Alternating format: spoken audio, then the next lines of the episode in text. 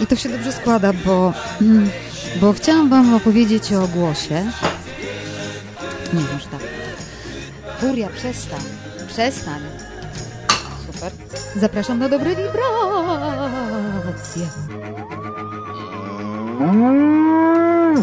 Pogadanki o głosie.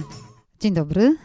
Po prawie miesięcznej przerwie na dobrych wibracjach, mm, bo tyle mnie nie było, postanowiłam nagrać e, odcinek o ciszy, o pauzie, e, która nie ma jednowymiarowego znaczenia.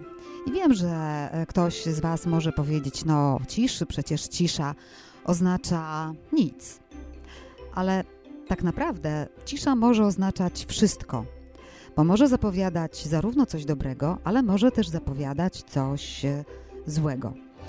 I od razu powiem, że ta cisza, pauza na dobrych wibracjach oznaczała tylko jedno mój świąteczny odpoczynek. Tymczasem ta, o której dzisiaj będę głośno myśleć i opowiadać, oznacza pauzę w głosie, pauzę w mówieniu. I dlatego ten odcinek zacznę od początku, czyli od ciszy w moim głosie.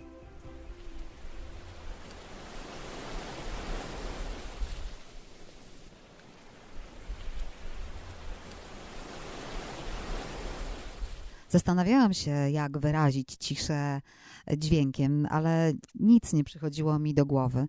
Dlatego zapytałam Was o Wasze skojarzenia. I jedni e, słyszą ją jako szum morza, jeszcze inni jako szum lasu, albo szum strumienia, czy też dźwięki cykania świerszczy.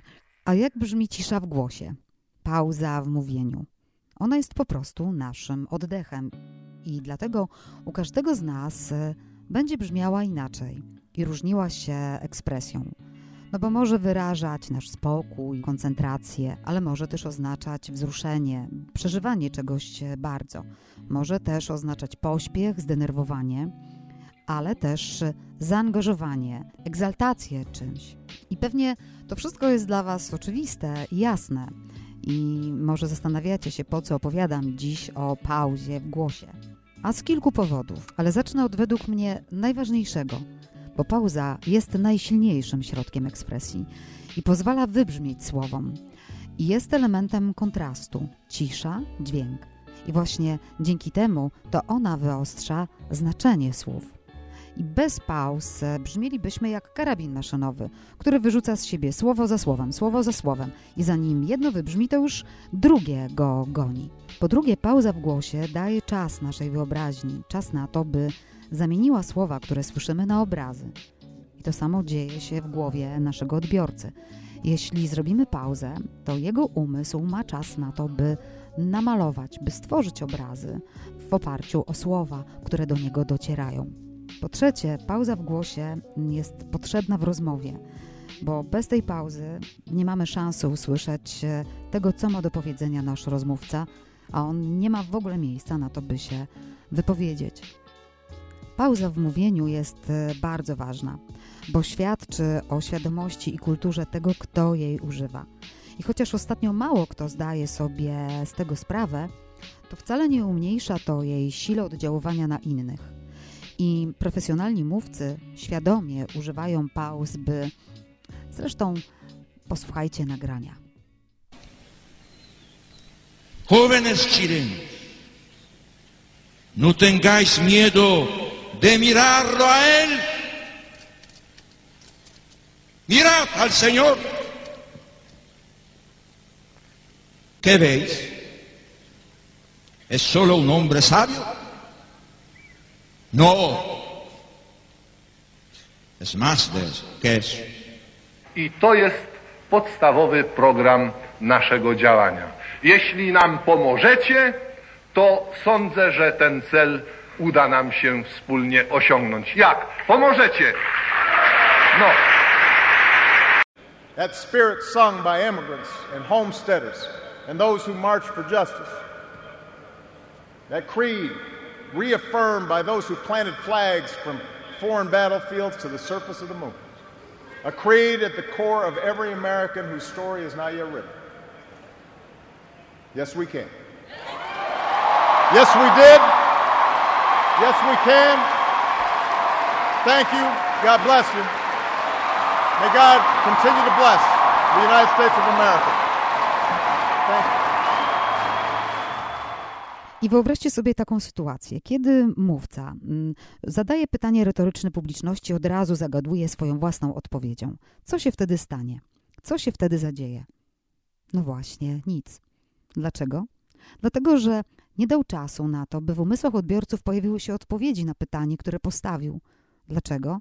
Dlatego, że sam od razu odpowiedział na nie. Jakie zatem to pytanie miało znaczenie? Żadne. Z punktu widzenia odbiorców to pytanie było zupełnie niepotrzebne, dlatego że nie dostali szansy na to, by samemu na nie odpowiedzieć. I tak wkroczyliśmy na teren już bardzo warsztatowy, co dla mnie oznacza, że czas y, dać Wam już konkretne wskazówki, jak pauzy używać. No bo dlaczego warto, to myślę, że już teraz y, wiecie. Wróćmy do miejsca, kiedy mówiłam, że pauza brzmi jak nasz oddech. I wyobraźmy sobie siebie przed wypowiedzeniem pojedynczego słowa albo dłuższej historii. Co się wtedy dzieje? To jest ten rodzaj pauzy, ten rodzaj ciszy, który brzmi jak nasz wdech. Choć mm, on może czasem trwać na przykład kilka oddechów. To zależy oczywiście od tego, co dzięki tej pauzie, tej ciszy chcemy osiągnąć. Czy to jest tylko czas na naszą koncentrację, czy to jest czas, w którym chcemy przykuć już uwagę naszych odbiorców. Ale może być to też taka sytuacja, jak jest e, w ekspresji wokalnej.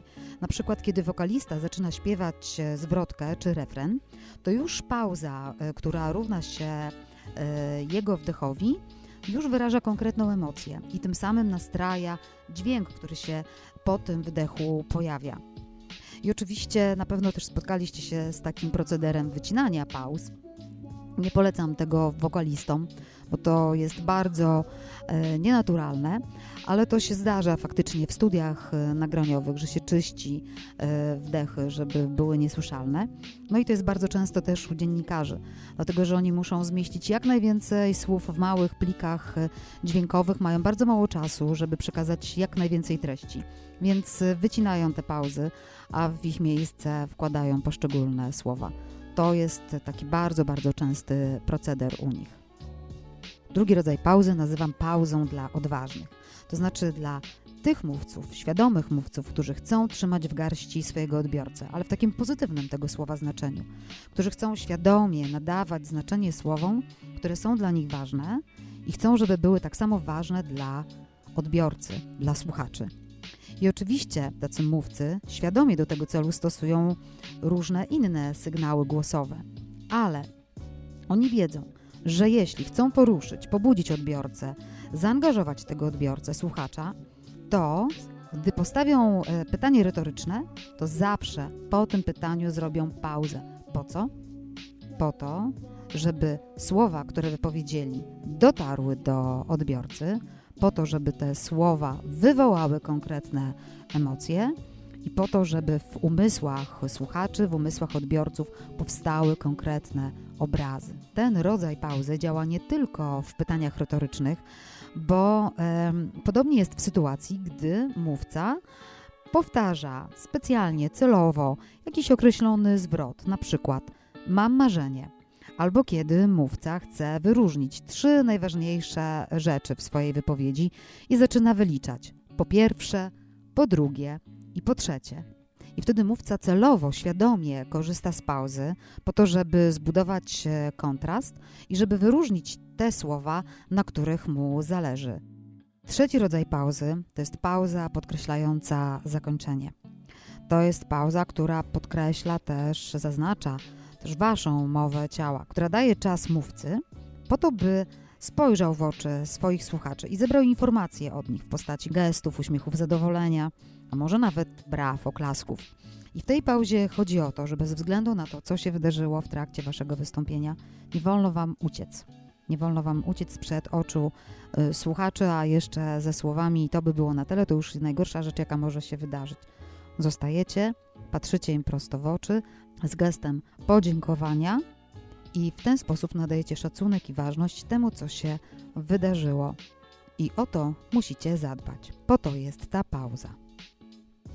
Jest jeszcze taki rodzaj pauzy, której raczej nie lubimy. Niektórzy nazywają ją czarną dziurą albo pustką w głowie. Muszę się przyznać, że nawet u mnie, e, kiedy mi się e, przydarza, a przydarza się, wywołuje taki lekki odruch e, paniki. No niestety to się dzieje bez naszej, bez udziału naszej świadomości. Co świadomie możemy zrobić? No możemy próbować odwrócić uwagę od siebie i zadać jakieś pytanie swojej publiczności. Mam trochę trudniej, bo na koncertach, kiedy śpiewam razem z zespołem i pojawia się ta czarna dziura w trakcie e, piosenki, no to nie pozostaje mi nic innego, jak tworzyć e, nowe słowa i tak się dzieje. Zespół ma ubaw, publiczność też się zaraża uśmiechem, no wszyscy są zadowoleni. Takie moje e, koło ratunkowe. Ale czas już na ostatni rodzaj pauzy, która pozwala strunom głosowym odpocząć, myślom swobodnie przepływać przez nasz umysł. Dla mnie najlepszym takim miejscem, gdzie mogę taki stan osiągnąć, jest las. I dlatego teraz zabieram Was do lasu. Do usłyszenia.